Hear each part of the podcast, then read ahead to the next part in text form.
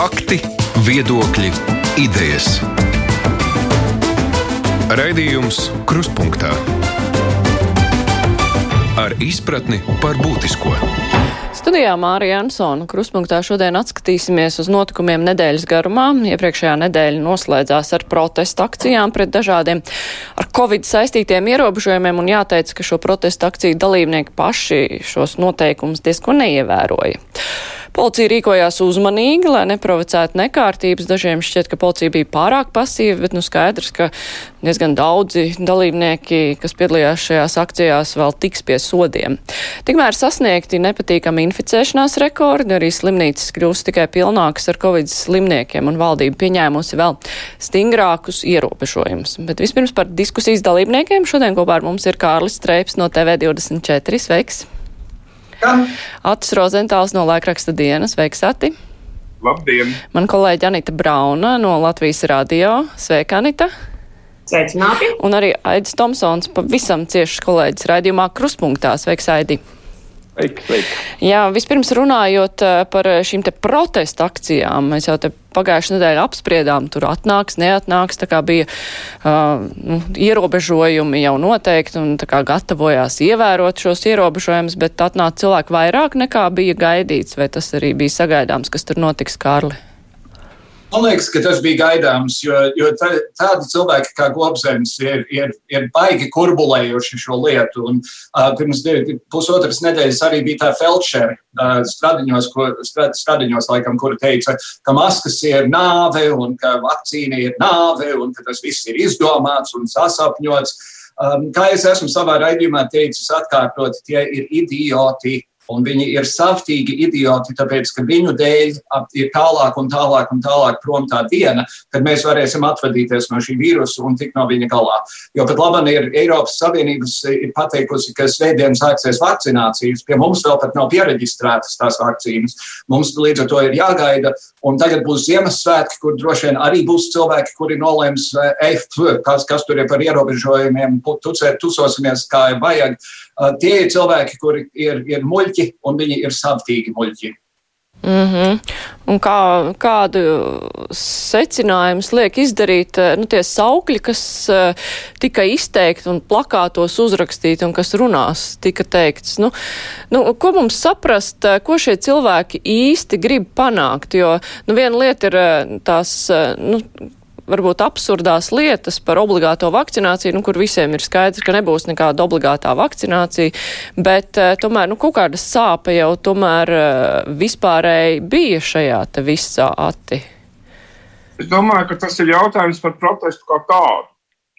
Jo, ja valdība nedarītu neko, tad es esmu pilnīgi pārliecināts, ka daļa šo saukli būtu pilnīgi pretēji. Un, uh, Šī ziņā es piekrītu uh, mūsu uh, Latvijas režisorai Gaļinai Poļišķukai, kura tagad strādā Maskavā un kura pirms kāda laika ierakstīja, ka viņa strādājot Krievijā saskars ar pilnīgi pretējiem saukļiem. Ka tur šis protests iet ar lozungu, no mums slēpj īsto saslimušo iemeslu uh, skaitu, īstenībā slimoja daudz vairāk, no mums tas tiek slēpts kā pilnīgi pretējs šis narratīvs.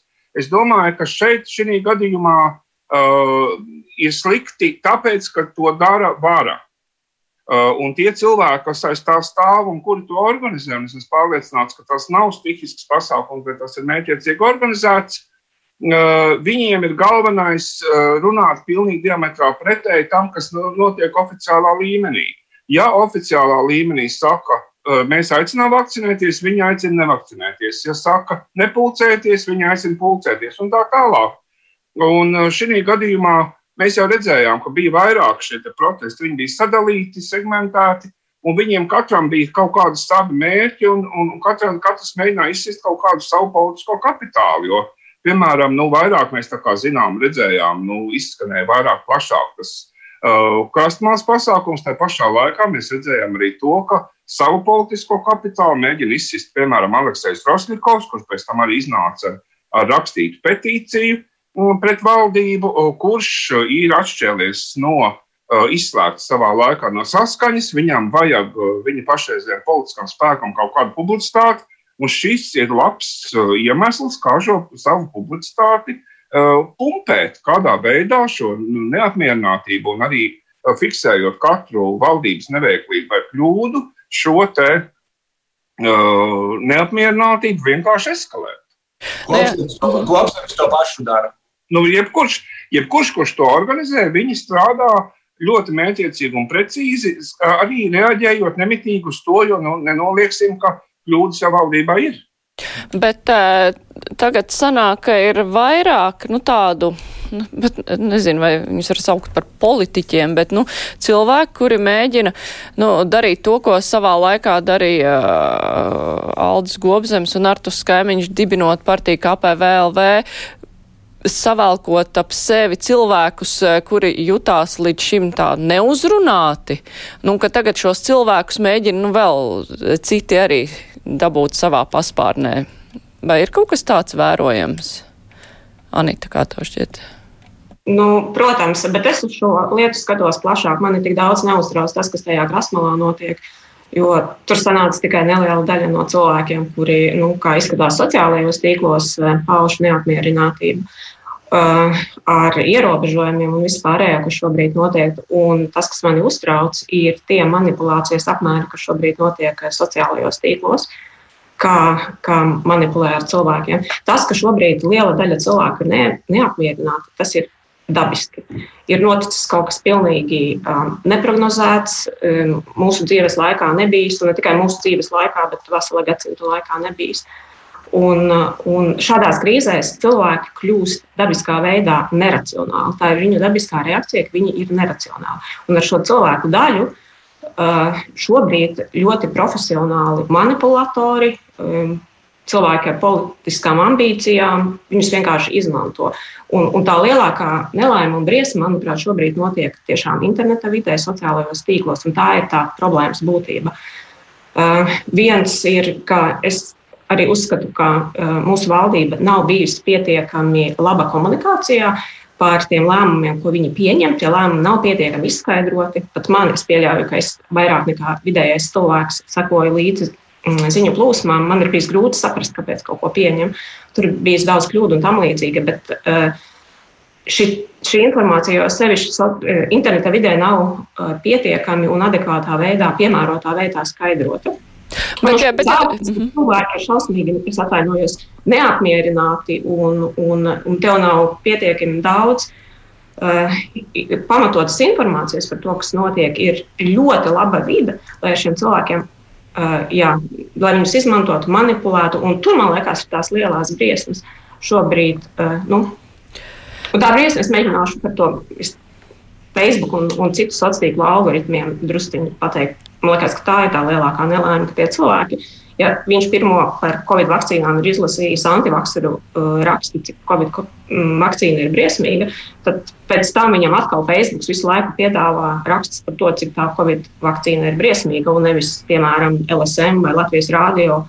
Uh, raidījumu atstāstus par šo tēmu. Bet, uh, bet tu minēji, ka viena lieta ir šis Facebook algoritms, kurš uh, nu, strādā kaut kādu ideju paudēju interesēs, bet uh, ja notiek manipulēšana ar cilvēkiem, nu, tas taču var notikt arī ar kaut kādu mērķi, piemēram, arī uzsist sev kaut kādu politisko kapitālu, jo viena lieta ir kaut kādām savām idejām mēģināt cilvēkus pievilināt, nu, nu, katrs var domāt, kā viņš grib, vai pret vakcināciju, vai pret ko, bet cita lieta, ja, nu, kaut kā ar, ar citiem mērķiem mēģina šos cilvēkus pavilkt zem tevis, sevis. Kas tev vairāk izskatās, kas tur strādā, vai tie, kas grib to politisko kapitālu, vai, nezinu, vēl kaut ko eh, izdarīt, vai nu, vienkārši pievērst savām idejām? Nu, tur ir viss, manuprāt, sākot ar to, ka ir Facebook interese dabūt pēc iespējas vairāk klikšķu, un šis algoritms ir tas veids, kādā veidā viņi to dara. Tur ir agobzems un, un pļaviņš un viss pārējie, kuriem ir savas politiskās ambīcijas, un tur es pieļauju, ka ir attiecībā uz tām sazvērestarības teorijām, tur ir vēl kaut kādi citi spēlētāji, iespējams, no kaimiņu valstīm visādām vai, vai citām nedemokrātiskām valstīm. Mm. Nu, lūk, un tas, pabeidzot to savu domu, Man liekas, ka, eh, nu jā, ka ši, šīs ir tās mūsu laika lielākās briesmas, ko mēs ļoti labi redzam Covid pandēmijā, ka tas apdraud plašos apmēros sabiedrības veselību un drošību. vai, vai nu, ja runā par politikām, tāpat jau arī vēlēšanās manipulē cilvēkiem. Tur savukārt atbrauc demokrātijas un tam līdzīgi. Man liekas, ka tas tā, tāds milzīgs izaicinājums, ko nevarēs tikt galā šeit Latvijā. Bet tas tāds globāls, nu, labākajā gadījumā Eiropas Savienības mērogā var mēģināt, vai, vai Amerikas likumdevēji mēģināt regulēt šo visu sfēru, kas nebūs vienkārši, kur ir šausmīgi daudz interešu sadurās un kur būs vārda, vārda brīvības. Uh, piesaukšana un vispārējais, bet ir jāsāk to darīt beidzot. Mm -hmm. Bet nu, tie cilvēki savukārt, kur aizgājuši to krastmalu un kuriem bija kaut kas, ko teikt.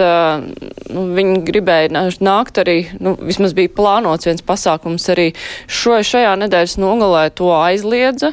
Aidi, kā tev šķiet, vai tur ir gaidāms, nu, ka atkal sanāks cilvēki, kur nepakļausies. Un, nu, vienkārši tīri tāpēc, ka tagad ir atkal jauni lēmumi, atkal jauni ierobežojumi, vienkārši ies un atkal un paudīs kaut ko.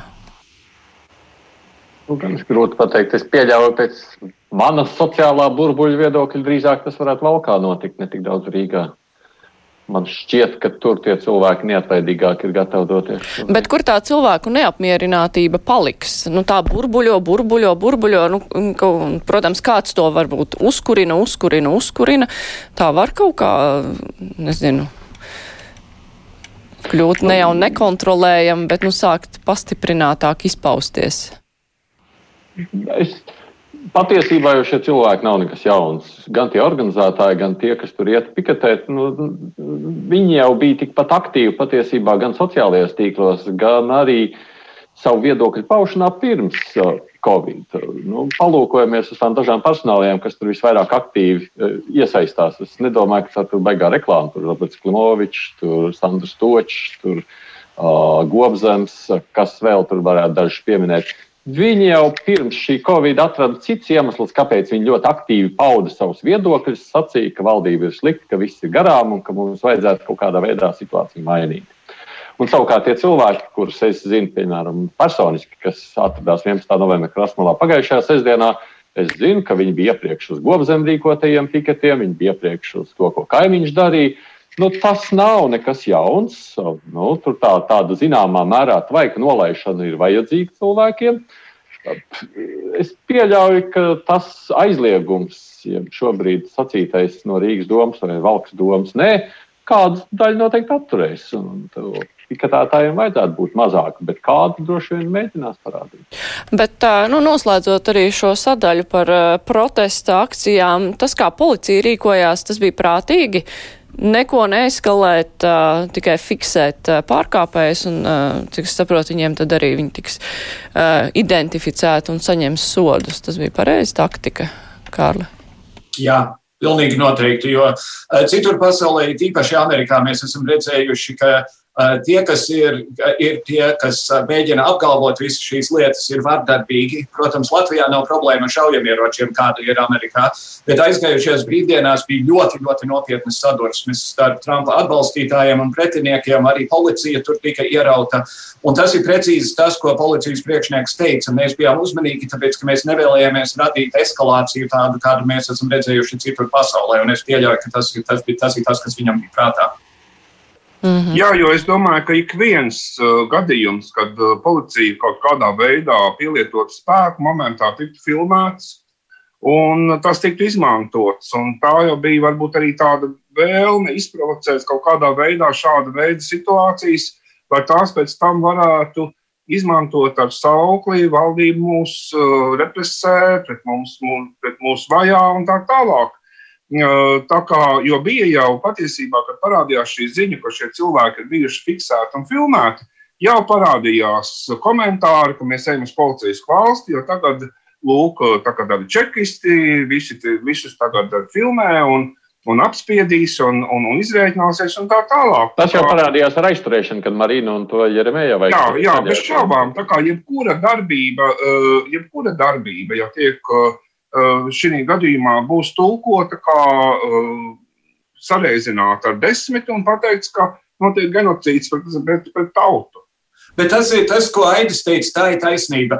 Lozungs atlaist saimu ir sācies apmēram 5 minūtes pēc katrām saimas vēlēšanām, vismaz pēdējos 3 vai 4, 4 ciklos. Ir cilvēki, kuri nekad nebūs ne ar ko apmierināti, un to mēs redzam it īpaši pat labam KPVLD un no tā turienes atšķēlušos ļaudis. Linda Liepiņa pat aizgāja no sājumas, tāpēc, ka viņa uzskatīja, ka viņas cilvēka tiesības tur tik briesmīgi tiek pār, apspiestas. Uh, ir cilvēki, kuri vienmēr būs neapmierināti, bet, uh, ja, ja, ja sistēma rulē tālāk un valdība attiecībā uz koronavīrusu izturās racionāli, tad, manuprāt, tas pats par sevi ir diezgan daudz. Mm -hmm. Bet, nu jā, bet runājot arī par tālākajiem valdības pieņemtajiem ierobežojumiem, kas šonadēļ nāca, kā jums šķiet, vai tie bija adekvāti šai situācijai? Protams, ka saistīt to ar šo te saslimstības pieaugumu ar pasākumu krastmalā, tas ir pārāk gari un nepamatot droši vien, bet šī saslimstība ir pieaugusi, un uh, valdība īpaši lēma pēc uh, trešdienas, kad parādījās tie lielie skaitļi. Uh, tas, kas tagad ir nolemts, tas ir pareizi vai vajadzēja kaut kā visu to pavilkt garumā, jo mēs redzam, nu, ka šodien noteikti pie iepirkšanās centriem veikali tur tagad stiepja garumā savus darba laikus un cilvēku mīcīšanās pa turieni droši vien, ka ir vēl trakāka nekā būtu jebkurā citā gadījumā, Anita? Nu, es domāju, ka virziens, kā ir tiem ierobežojumiem, jākļūst uh, stingrākiem, ir pareizais. Jo to liecina visu to valstu pieredze, kas, nu, kur situācija ir vēl sliktāka nekā Latvijā, ka tikai ļoti radikāli uh, ierobežojumi uh, aptur uh, līknes, Covid nu, inficēto līknes augšanu. Uh, Un līdz ar to kaut kas bija jādara. Es drīzāk domāju, es nezinu, vai pietiks ar to, kas tagad būs. Um, Jā. Bet, tas, jau, tas nav tās tikai par trim nedēļām. Visticamāk, tas izstāsta par ilgāku laiku. Man, pers man personīgi tas ļoti nepatīk. Teikšu, kā ir, bet es skatos, kāds ir noticis visās pārējās valstīs, kur šī valsts aizvēršana ir notikusi arī pēdējo mēnešu laikā. No visur tas ir bijis ļoti identiski kā pie mums. Tas lēmums netiek paziņots ļoti laicīgi. Un tad, kad tas tiek paziņots, tad tie veikali tur tiek tajā brīdī šturmēti. Atceramies, Francijā pēdējā dienā pirms aizvēršanas bija vienkārši Parīzes ielas pārpludināts, jo visi sēdēja restorānos tajā brīdī un izbaudīja pēdējo nakts dzīvi. Nu, tā tas ir. Tā, mēs neesam unikāli ar to. Nu, patīk mums vai nē. Tā, bet, nu. bet tie lēmumi šajā konkrētajā gadījumā viens, kas man ir ļoti interesanti, ir, ka pirms nedēļas nolēma, ka brīvdienās nedrīkstēs pirkt alkoholu un cigaretes, un šonadēļ ir nolēmts, ka brīvdienās varēs pirkt alkoholu un cigaretes. Tas pats par sevi ir, laikam, saimniecības preces joprojām nevarēs, kā es esmu smējies, desu var nopirkt, bet foliju, kurā viņu ietīt cepšanas vajadzībām, nevar nopirkt. Bet nu, kopumā paskatoties, kā šie pēdējo nedēļu lēmumi uh, veidojās, tad bija uh, frizierus atļauja manikīrus nē, pēc tam atļāva arī manikīrus, pēc tam kaut ko aizliedza, pēc tam tagad aizliedza frizierus manikīrus. Nu, respektīvi, tie cilvēki, droši vien, kas strādā tajās nozarēs, viņi vispār nesaprot, tā viņiem kaut ko atļauj, tā viņiem kaut ko aizliedz. Tas nav mazliet, nu, kaut kā tā lēkājoši. Pārāk. Vai tu vakar dzirdēji vai neredzēji, es nezinu, krustpunktā, man liekas, mums bija ļoti laba analīze ar tiem analītiķiem, kas bija studijā. Un tā, man liekas, ir šīs valdības vis, vis, vislielākā nelaime. Ka mums uh, Un es patiešām teiktu tā, ka valdība nav spējusi izstrādāt ilgtermiņa stratēģiju. Viņi saka, ka viņiem ir, bet realitātē viņiem nav. Varbūt ir atsevišķām ministrijām sava ilgtermiņa stratēģija, bet viņi nav spējuši par to vienoties kopā. Un tāpēc notiek tā, kā tas notiek. Un tas, man liekas, ir šīs valdības viskritiskāk vērtējamais uh, aspekts, kā viņi to dara. Man šķiet, ja viņi spētu izstrādāt un turēties pie stratēģijas, ir šāda saslimstības rādījuma, un mēs rīkosimies šādi. Un es jau zinu mēnešus uz priekšu, skatoties uz rādījumiem, kas notiks, ja tā situācija pasliktināsies. Mums viena liela daļa no emocijām, kas šobrīd parādās ne tikai sociālajos tīklos, bet arī citviet, izpalikt. Bet man liekas, ka te ir problēma. Proti, ja, ja slimību profilakses un kontrolas centram būtu pilnīga teikšana attiecībā uz to, kas notiek valstī, viņi noteikti teiktu, ka tagad ir vajadzīgs pilnīgs lockdown, vai, vai kā nu mēs latviešu valodā mēģināsim tagad teikt lockdown, uz trīs nedēļām vai četrām nedēļām, jo pavasarī jau tas būtībā bija. Rīga bija tukša, tukša, tukša, tukša, un pēc tam nāca vasara, kurā bija tikai viena vai divas vai trīs jaunas infekcijas katru dienu. Uh, speciālisti pilnīgi noteikti tagad prasītu vēl daudz, daudz stingrākus ierobežojumus, jo es, es pilnīgi piekrītu Mārai. Pateikt vienu nedēļu šitā, nākamo nedēļu šitā, nākamo nedēļu šitā, cilvēki vienkārši ir apjukuši. Un, un, un es arī, protams, ļoti jūtu līdzi uzņēmēji darbībai, kurai līdz ar to pazūd ienākumi uz ilgstošu laiku. Bet no otras puses, ja mēs ķimerēsimies ar šo lietu, tad, tad tās infekcijas četros skaitļos katru dienu turpinās attīstīties. Slimnīcas, slimnīcas nonāca absolūti ne, neapskaužamā viedoklī. Līdz ar to, it īpaši Ziemassvētkos, es personīgi sēdēšu mājās Ziemassvētkos, es skatīšos televīziju, dzeršu vīniņu, jutīšos pavisam labi un ceru, ka tā darīs arī citi. Man gan šķiet, ka mūsu epidemiologi pat ir diezgan saprātīgi. Skatoties, ko es sacīju, gan Pervošķikovs, gan Dūms, viņi nemaz tā nav uzstājuši to vispārīgo lockdown, jeb aizvēršanu. Bet man jau liekas, ka tas nav stāsts par viņiem, tas ir stāsts par valdību, kurai jau bija nu, septembrī, nezinu, oktobrī jāizstrādā skaidrs. Jā, kopā ar epidemiologiem, bet turpat ir klāta ekonomikas ministrija, veselības ministrija, nezinu, finanšu ministrija. Sēž un ir skaidrs vīzijas plāns, Tajā brīdī, kad prezidents uzbrauca valdībai, nu, tad it kā tāds tapa, bet spriežot pēc rezultāta, tas nav bijis kopumā izdiskutēts un apspriests. Es domāju, ka tur jau tā problēma ir tā, ka valdībai katrs šis lēmums nāk ļoti smagi. Jo mēs arī redzējām, otrdien mēs gaidījām, valdība iznāca ar paziņojumu, kas tad ir nolēmts. Pūkstens bija bez 10, 8 vakarā. Un uh, nu, nolēma, tā kā suns funds, pēc padomājām, ka vajag vēl padomāt. Un, uh, tas nozīmē, ka šī uh, uz āru mēs redzam, ka um, ir izteiktas visu laiku domstarpības, un patiesībā pirmais lielais signāls par to, ka valdībā iet ļoti smagi šie lēmumi, jau patiesībā bija Rīgas maratons, kas jau ir pirms vairākiem mēnešiem, kad iznāca šie pilnīgi pretējie vēstījumi. Un, un Viņķelē bija viens viedoklis, un Kariņam otrs. Un šī sajūta, ka Eh, valdības līmenī, tā skaitā veselības ministrija ar premjeru, eh, joprojām nav vienots skatījums uz to, kā vajadzētu rīkoties un pēc kādiem algoritmiem un tā tālāk. Kas arī šajā otrdienas preses konferencē parādījās, kur Ilza Viņģau teica, ka, ka jā, ka valdības vadītājiem bija atšķirīgs viedoklis par to, kādam jāizskatās vakcinācijas plānam, kā tas bija noformēts. Viņi uzskatīja, ka ir viss kārtībā, Kariņš uzskatīja, ka nav viss kārtībā, lika pārtaisīt un tā tālāk. Un tas nāk uz āru. Un katra šāda situācija, kad mēs redzam, ka Kariņš iznāk ar paziņojumu, draugi nav labi, un nākamajā dienā Vitsenbergs iznāk ar pilnīgi pretēju paziņojumu, ka vajag ļaut visiem veikaliem, visos tirzniecības centros strādāt.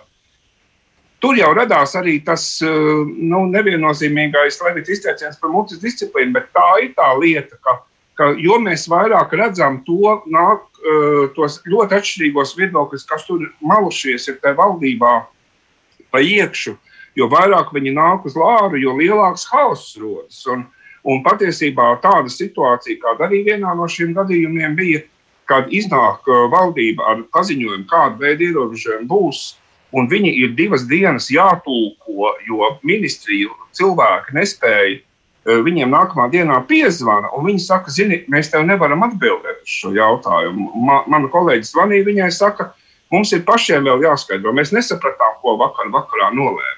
Tā ir tā lielā problēma, ka valdībai šie jautājumi nāk ļoti, ļoti smagi, jo mēs ļoti labi zinām, ka mums ir koalīcija ar ļoti atšķirīgām partijām un ļoti atšķirīgiem uzskatiem iekšā.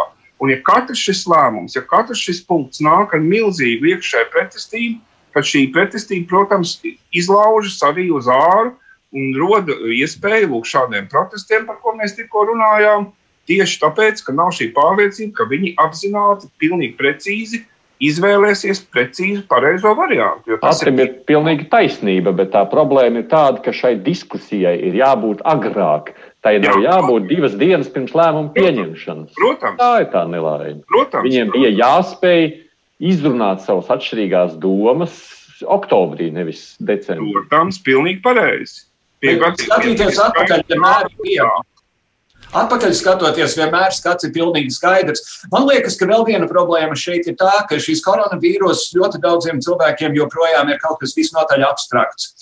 Per, es personīgi vienīgais cilvēks, ko es zinu, kas nomira no Covid, bija Rolands Čārve, un tas nebija man ļoti tuvs cilvēks, tas bija kolēģis. Ja? Es pieļauju, ka, ka saimā un ministru kabinetā nav īpaši cilvēki, kuri ir pieredzējuši, ka, kas, kas ar to vīrusu notiek. Un man liekas, ka tas ir kaut ko pasaka, ka Artus Skaimiņš ir tas viens, kur mēs zinām, kurš saslima ar COVID-19, COVID un viņš ir pilnīgi apklusis pēdējā laikā. Uh, kur, kur, ja viņš kādreiz bija viens no lielākajiem demagogiem sājumā, viņš ir absolūti, absolūti apklusis. Un, ja reiz tas notiek decembrī, un es pilnīgi piekrītu, tam vajadzēja notikt jūlijā, jūnijā, tad, kad bija viss mierīgi, vajadzēja izdomāt, kas notiks tālāk tad, tad daļa no nelaimes ir, ka neviens nevar īsti prognozēt, kas ar šo slimību notiks tālāk. Mēs visi it kā akadēmiski zinām, ja mēs visi turēsim masku un turēsimies prom viens no otra, tas ir kas ir vajadzīgs. Bet no otras puses, tagad jau ceturto dienu pēc kārtas ir vairāk nekā tūkstoši jaunu infekciju, kas nozīmē, ka kaut kur kaut kas nenotiek tam, tā, kā tam vajag notikt. Um, te, te joprojām, diemžēl, diezgan daudz nezinām. Es arī gribēju piebilst, piekrītot par to saulēcīgo plānu un visu pārējo. Es vēl vēlējos gan arī norādīt, ka neviens īsti visā pasaulē šobrīd nezina, kas ir tā pareizā recepte, kā rīkoties. Zina virzienu, ka jā, um, mm, iero, distancēšanās, um, karantīna un tam līdzīgi ierobežo infekcijas, bet kā šobrīd ar šo pandēmiju tik galā, nu nav jau tādu baigi labo recepšu. Lai gan jau par to ir skaidrs. Jaunzēlande paziņoja, ka viņiem vairs nav infekcija. Vai, vai pajautāt Jaunzēlandi? Jaunzēlande, nu Somija pat Eiropā, es saprotu, puslīdz turās, bet tā lielākā daļa Eiropas. Amerika, nu visi, neviens nav veiksmīgs. Domāju, ka tas nav jau stāsts jā, par to, vai mēs zinām, kā attīstīsies situācija un kas, kādi būs rezultāti vienā vai otrā lēmuma pieņemšanā. Stāsts ir par to, ka nu, mēs taču nu, ne jau tikai politikā, arī citās lietās nu, pat saimnieciskās mājas lietās. Es zinu, tajā brīdī man ir plāns. Man iestājas atvainājums, un es zinu, šajā pirmajā nedēļā es rīkošos šādi. Ja man izdosies nokrāsot sienu, tad es tālāk domāšu par loģiju. Ja man neizdosies, nu, es, es tā filozofēju, bet nu, tā taču mēs dzīvojam ikdienā. Tas nenotiek. Ne, mēs esam pieraduši vienu lielu daļu arī, protams, dzīvot pēc parastā principa. Pamodīšos, nu, ko es šorīt varētu padarīt. Bet tā nevajadzētu. Es tāpēc uzticu uh, vadošiem cilvēkiem lemt par to, ka viņiem ir plāns, pie kura turēties. Man ir sajūta visu laiku šajos mēnešos, ka mums šī plāna nav, ka mēs no rīta pamostamies, apskatāmies skaitļus un spiežam, hmm, nav labi, ko tagad darīsim. Tā to nedrīkst. Nu, tā nav, tas, tas nav valdības darbs. Es jau neiebilstu, ka ka tā tam vajadzētu būt. Es pilnīgi piekrītu. Es vienkārši saku, ka pat ja tas plāns būtu, mums tas negarantē to, ka tur viss pareizi. Jā, jā, jā. Bet tad es zinātu, ja, jā. ja tagad saslim, saslimušo skaits būs 1500, mums ievietīs, ieviesīs, pieņemsim, ierobežošanās pārvietošanos. Pārvietošanās ierobežošanos. Bet pašlaik, kas ir pateicis, ko premjerministrs teica, skatīsimies pēc desmit dienām, kāda būs skaitļi. Ja būs sliktāki, kas būs sliktāk? Kā, ko mērīs pēc tam desmit dienām? Kurā brīdī tad izlems, pēc kā es varēšu spriest. Nav jau man, man nekas netiek pateikts. Bet, Aidit, es, es gan atgādināšu, ka mēs eh, šos jautājumus arī uzdevām uh, rudenī un uh, vasaras nogalē ministriem. Nu, kam ir jānotiek, lai notiktu kaut kas, lai būtu plāns A, plāns B, un arī tad nebija atbildes, lai gan visi visu laiku uzvedināja uz to, ka vajag šos plānus, bet eh, vienalga tie netapa pietiekoši ātri. Bet es tikai atgādināšu Latvijas radio klausītājiem un Latvijas televīzijas skatītājiem, ka šodien kopā ar mums ir Kārlis Streips no TV24, Anita Brauna, Latvijas radio pētnieciskā žurnālistikas nodaļas vadītāja, Ats Rozentāls no laikraksta dienu un Aidis Tomsons no raidījuma kruspunktā. Raidījums Krustpunktā. Jā, Anita minēja, ka tas eh, lielais plāns, uh, nu, ka nevienai valstī īsti jau nav skaidrs, kā apkarot šādu pandēmiju, un uh, ka neviens nevar nu, tā ļoti precīzi nodefinēt kaut kādus soļus, kā rīkoties. Tomēr, nu, droši vien, ka ir kaut kādas sīkās lietas, par ko mēs jau runājām, ar kurām varētu tikt skaidrībā, un uh, runājot par pēdējiem ierobežojumiem, par šo, šiem te preču sarakstiem, kas ir jau izslavēti kādu otro nedēļu, ko drīkst un ko nedrīkst tirgot. Vai mēs ar to mm, nu, kaut kā neiebrauksim atkal drusciņi. Uh, nu, kaut kādā nepareizajā grāvī, jo tagad jau arī cilvēki rakstīja, kāda sieviete raksta, kāpēc ir izņemtas zeķu, nu, kāpēc zeķu bikses, piemēram, nav pirmās nepieciešamības preces, jo, piemēram, ziemā cilvēks, kuram ir jāiet uz darbu, nu, viņš var attapties pret to, ka viņam vienkārši nav ko vilkt kājās. Kāds cits iebilst, o, oh, to var iepirkt uz priekšu, lai gan, nu, mēs jau nezinām, ko mēs varētu iepirkt uz priekšu. Nu, šis te pēdējā brīža lēmums, kad uh, divas dienas iepriekš pasaka, ka tev nebūs pirkt to, to un to, um, vai, un tas saraksts ir tāds pārdomāts, kā jums šķiet? Kārls minēja foliju. Bet uh, nu, ir vēl droši vien kaut kādas citas lietas. Mēs ar kolēģiem arī spriedām, nu, kas notiks, ja zābakam zola nokritīs. Nu, ko es iešu uz darbu ar pliku pēdu vai vasaras čībām? Ai, nu, godīgi sakot, man viss šī ņemšanās liekas tāda sīkumaina. Es atvainojos. Nu, Mērķis, kāpēc noteica kaut kādas preču grupas, kuras nevar nopirkt, ir tas, lai cilvēki pēc iespējas mazāk laika pavadītu veikalā un tiešām nepirktu lietas, kuras, kuras kurām viņi var iztikt. Nu, tas ir tas lielais mērķis. Bet vai, tajā, vai tajās atrod, grupās nepa... nu, nu, kādas preķis tur? Nu, Nu kā, ja ir pārdevējai jāiet uz darbu, viņai vajag zeķis. Nē, nu, es zinu, ka ļoti viegli. Ieiet, nopērciet zeķis. Nu, internetā. Jā, un tajā pašā Rīgā, ja tu pasūtīsi piegādi vai aizbraukt, paprastīsi, lai viņi sapakotās. Bet, bet, bet cilvēki arī raksta, ka, ka mēs šeit runājam no tāda viedokļa, ka tie, kuriem ir pirmkārt attālinātais darbs, otrkārt, kuri dzīvo galvaspilsētā, viņiem ir viss vienkārši, bet ka netiek šajās situācijās domāts par tiem, nu, kuriem nav interneta piegādes, kuriem nav attālinātais darbs. Vai par tiem cilvēkiem ir padomāts? Pandēmija, ar kuru mēs nezinām, kā tikt galā. Tā ir mūsu problēma. Tad viņu problēmām, nu jā, ir jāpaliek viņu pašu ziņā, bet vai tās nav tās lietas, nu, kur arī aug tā neapmierinātība, ka ir cilvēki, kuriem šķiet, ka, nu, neviens par viņiem nedomā. Bet te, te ir tā lieta, bija, bija vasarā un rudenī bija kāds laiks, kad bija sevišķi stingri noteikumi, ja nemaldos, kuldīgai un Daugavpilī, tāpēc, ka tur bija liela, izcēlusies liela, liela infekcijas bedre. Uh, ja š, Latvija nav milzīgi liela valsts, un manuprāt, ja ir kaut kāds novads no tiem 119, kur tās infekcijas būtībā nav, vai ir tikai viena, tur var ar vaļīgāku pieeju ļaut pašvaldībai būt ar vaļīgāku pieeju, un stingrāk noteikti Rīgā un Daugavpilī un citur, kur, kur pat labam tā ir liela problēma. Bet vēl viens, ko es gribu pie, piebilst, kā Amerikas Latvijas. Vismaz mums ir kādi cilvēki, kas mēģina kaut ko darīt. Amerikā federālā valdība pilnīgi ignorēja un pat kaitēja risinājumu meklēšanai. Ne, nu es domāju, ka tas ir, protams, risks, ka katrs cilvēks jau skatās no sava interesa mm, un sava kaut kāda mērķa. Un, un katram tā situācija ir, nu, uh, protams, ka visriskantākās ir tās situācijas, mēs runājam par trīs nedēļām, kas saistās ar kaut kādām ķibelēm, kuras mēs nevaram nekādā veidā plānot. Nu, teiksim, pārplīst truba, kura ir jānopērk. Ja? Tas, tā, tā, tie ir kaut kādi tādi objektīvie riski, bet, protams, es arī es varu atzīties, es vakar vienu spuldzīti nopirku, piemēram, ja, lieku. Bet, bet, bet ir kaut kāda, nu, protams, ir, ir kaut kāda iespēja manuprāt, ir tas eh, viena cita lieta, ka, kas netiek varbūt pietiekami komunicēts, eh, kaut gan izskanējis, kāpēc, teiksim, šajos te maksimās un rīmī un tā, kāpēc tur aizklāja šīs atsevišķās nodaļas, šis solidaritātes jautājums, jo tas ir tas, nu, kāpēc, nu, lai, lai taisās tie citi veikali ciet, bet kāpēc maksimāli rīmī arī klāja tās nodaļas ciet. Tas ir šis solidaritātes jautājums. Ja visi nevar nopirkt to spuldīt visos veikalos, tad visos veikalos.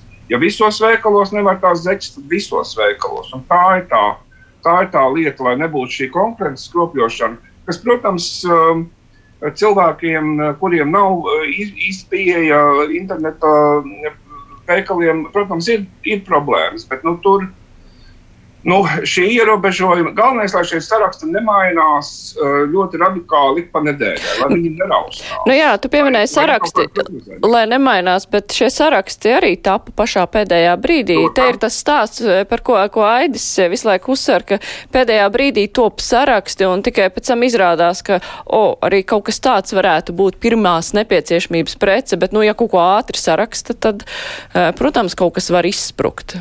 Jā, no šādiem sarakstiem arī vajadzēja būt jau. Būt laicīgiem, bet es savukārt vienu citu aspektu šajā kontekstā gribētu pieminēt. Nu, te mēs varētu ļoti labi redzēt, cik ātri mūsu bizness un arī sabiedrība spēja pielāgoties šai jaunajai situācijai. Jo, manuprāt, uzņēmīgiem cilvēkiem šis ir ārkārtīgi labs iespēju laiks.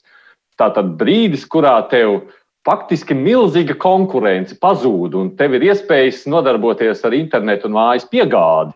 Un, nu, labi, paļauties tikai uz Omniju šobrīd būs droši vien neprātīgi vēl Latvijas pastu pakomātiem, kas visticamāk būs pārpildīti un būs jāgaida vairākas dienas rindā. Bet, ja te grib, te var atvērt vienu pamatīgu nišu šīs trīs nedēļas, un es paredzu, ka tas neveiksies ar trim nedēļām. Vismaz man tāda ekspektācija ir. Es paredzu, ka šī ir viena iespēja mūs krietni pamainīt. Bet es gribētu piebilst vēl vienu lietu. Tie cilvēki, kuri dzīvo laukos un kuriem ir problēmas ar internetu, viņi kaut kā ir tikuši galā arī bez tā interneta. Un es gribu teikt, ka šeit galvenais ir no mums katra personīgā atbildība. Es, es protu iekārtot, es zinu, ko sestdienās nevarēs darīt. Ja man ir kaut kas vajadzīgs, es to nopērku tre, otrdien, trešdien, ceturtdien vai piekdien. Zeķu bikses man nav aktuāls jautājums, bet, bet, bet mēs katrs varam tomēr savu dzīvi iekārtot tā, lai, lai, lai nebūtu nebūtu šīs nērtības. Sūdzieties krustpunktā, ka nevar zeķu bikses nopirkt. Man ir jautājums, kur jūs dzīvojat un kur jūs pirkāt tās zeķu bikses pirms tam? Internets jau ir pieejams. Nav stāsts par internetu. Mēs viņu varbūt nemākam lietot. Bet skaties kaut vai no tādas situācijas. Es, piemēram, esmu baznīcā gājējis. Ko dara baznīca šajā brīdī? Vismaz man draudz. Situācijā tiem veciem cilvēkiem, kas nevar pieslēgties internetā un skatīties dievkalpojumu, ir norganizēts telefona konferences kurā tu vari piezvanīt, pieslēgties, klausīties dievkalpojuma audio variantā. Veciem cilvēkiem, kuriem ir grūti apgūt tajā brīdī.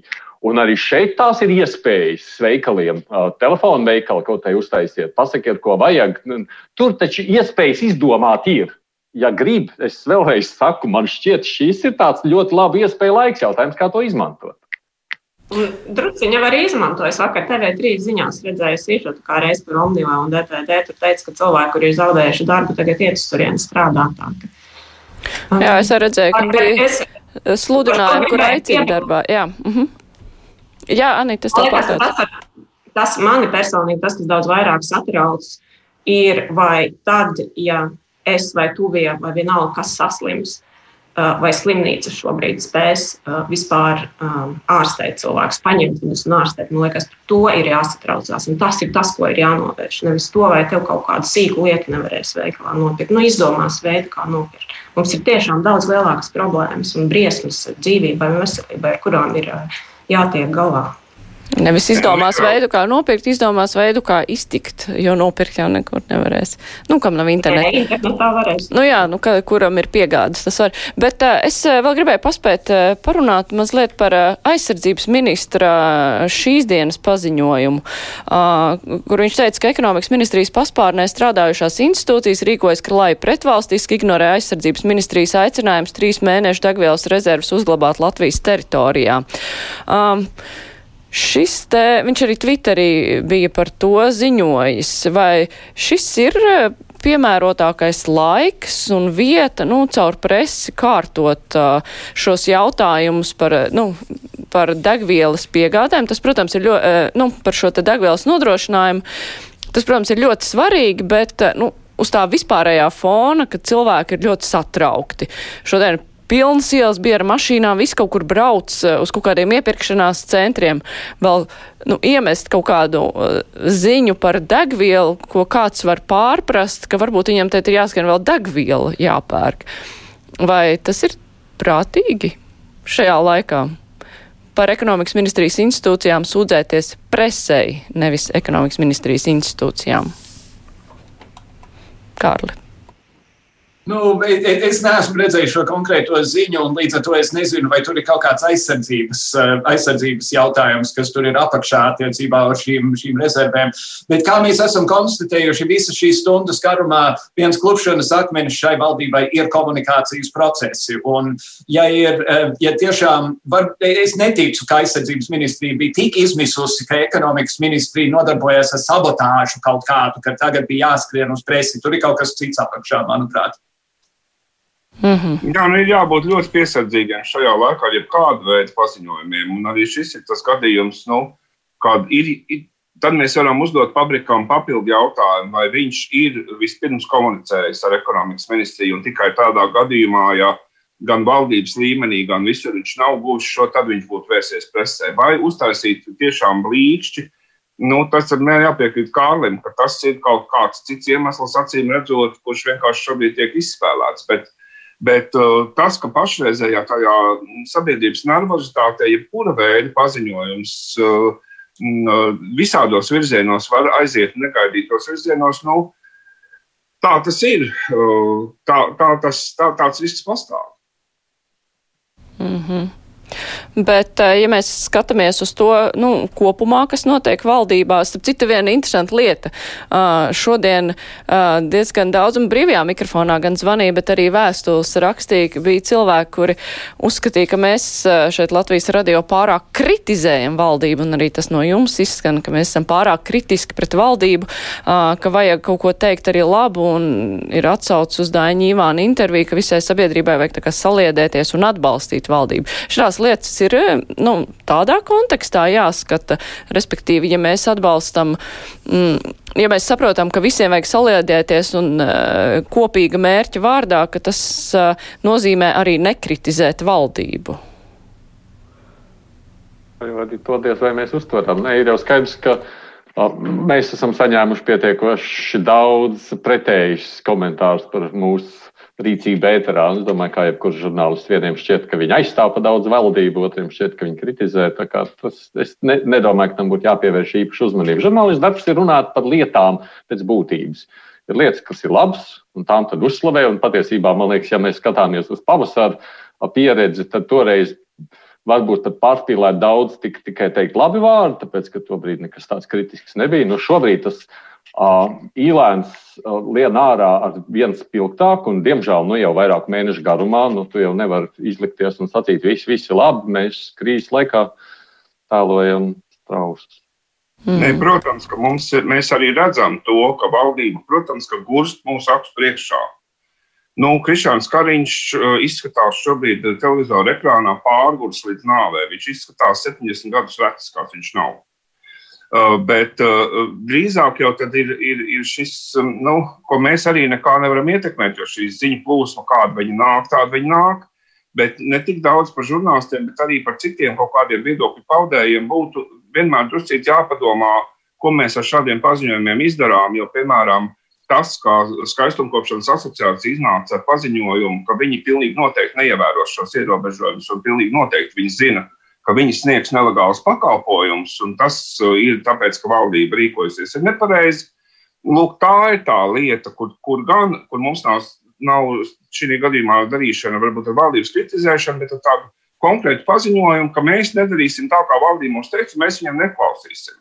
Un, un, un um, nu, ar tādu veidu paziņojumiem varbūt nevajadzētu svaidīties. Ne, nu tādā gadījumā pie katras skaistuma salona, kas to dara, vajag aizsūtīt policistu. Tas ir tā. Bet attiecībā, bet attiecībā uz dzīvokli jau tu neaizsūti. Nu, bet tas gan jā. Bet attiecībā uz labām lietām, nu, labi, labi, labi, labi. Mums eh, šodien ir pirmo reizi Latvijas vēsturē valdības ministrs, kurš ir piedzimis kopš Latvijas neatkarības atjaunošanas, tas ir Plešakungs, un viņa vietā saimā ir stājies Telnieks vārdā Bikšē. Tas ir pats par sevi ļoti jauki un ceru, ka jauni, gados jaunajam ministram viss būs labi. Atceroties, ka nākamgad būs pašvaldību vēlēšanas jaunos 42 pašvaldībās, nevis 119. Viņam tur būs ko darīt un vēlēsim viņam veiksmi. Bet vai plešam nāk līdzi šī pūces partijas finansēšanas ēna? Nu, tur tā aizdoma ēna tā kā nav izkliedēta un arī plešs tika piesauts un ka viņš tā kā par visu to zina, vai viņam tas var var kaitēt, Anita, kā tev šķiet? Vai viņam tas var kaitēt? Nē, nu tā katrā ziņā Viņa tēlam. reāla problēma. Es teiktu tā. Nu, tas, ko mēs redzējām varam ministrijā pūces laikā, ir, ka nu, redzējām to, kas ir šīs partijas nu, liela problēma, ka tā ir ļoti saugusi ar dažādām biznesa interesēm un visnotaļ nekautrējās viņas politikā realizēt šīs biznesa intereses. Es, nu, kaut vai paskatīsimies iepirkumus, kur ir notikuši varam paspārnē vai Rīgas domē, tajā laikā, kad bija Rīgas domas administrācija, tur ir reāli gadījumi, kur ir uzvarējuši šīs partijas sponsoru uzņēmumi vai arī um, citos iepirkumos noteikumi tiek rakstīti sponsoru interesēs. Tā ir reāla pro problēma, un viņa nebeigsies līdz ar Artūru Tomu Plešu. Tas tā paliks. Bet vai tas var kaut kā kaitēt viņa darbībai ministra amatā? Nē, nu, būtu ļoti jauki, ja viņš izskaidrotu pats, teiksim, šīs savas lielās biedru naudas, ko viņš arī ir iemaksājis. Tas, tas būtu vienkārši kopējai kopējai valdības teikt, tēla spodrināšanai ļoti labi, ja viņš pats iznāktu ar saprotamu skaidrojumu, kas šīs ir par summām, ko viņš maksā kā biedra naudas, kur viņš pie tādām tik. Nu, tas jau arī neaprobežojas tikai ar tiem, tām viņa biedru naudām. Tā jau ir nu, ne, protams, problēma, bet... kas ir tajā partijā. Protams, protams. Un viņš ir tāds - tas kalums vai ar tādu ietekmi cilvēks, kurš varētu to izmainīt. Es domāju, kā Edgars Jaunums ar vispārējo partijas spici saimniekoja tajā ministrijā, tā viņš turpinās saimniekot. Mm. Bet tas, ko Anita saka, ja, ja tā tas ir, tad, tad acīm redzot, tas nav kaut kas, kas ir klāji nelikumīgi, ar ko viņi pat labam tur nodarbojas, un tādā gadījumā ir jautājums par, par likumu.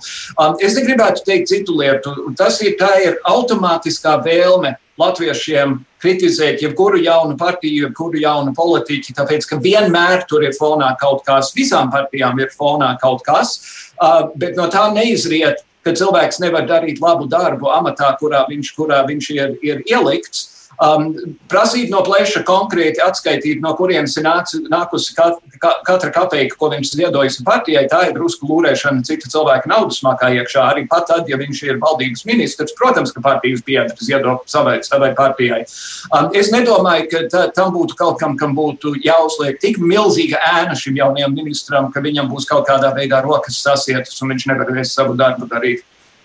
Es galīgi tam nepiekrītu. Uh, Um, tas, ko mēs esam redzējuši, vai tas, ko ir liecinājuši daži šīs partijas cilvēki, ir, ka uh, partijas vadītāji atnes partijas biedriem naudas žūksnīti, kurš viņš, viņiem pēc tam jālegalizē un jāieskaita partijas kasē.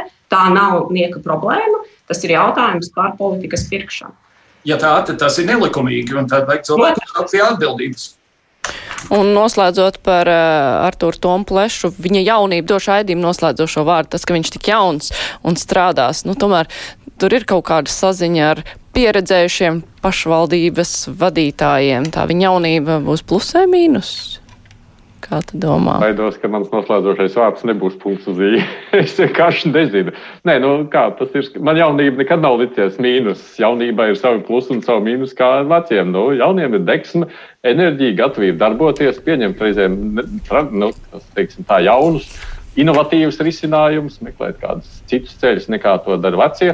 Veciem reizēm tas ir tāds, nu, tād kā mēs esam jau sākuši pāgot, jau, nu, mēs jau visu esam pieredzējuši, mēs jau zinām, ka tas tā ir. Ne, nu, gal... realitāte jāsaka. Nu, jā, galvenais ir galvenais, e, mums laika vairāk nav, galvenais ir spēt iekarot uh, autoritāti droši vien šajā amatā. Bet es teikšu paldies Kārlis Streips, Ats Rozentāls, Aits Tomsons un Anita Brauna bija šodien kopā ar mums.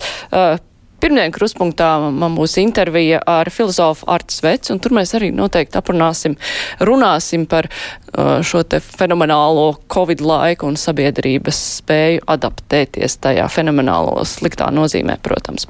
Es saku paldies, raidījums izskan, uh, raidījuma producenta Evi Junām, studijā biju es Mārija Ansona. Vislabāk, tiekamies pirmdien!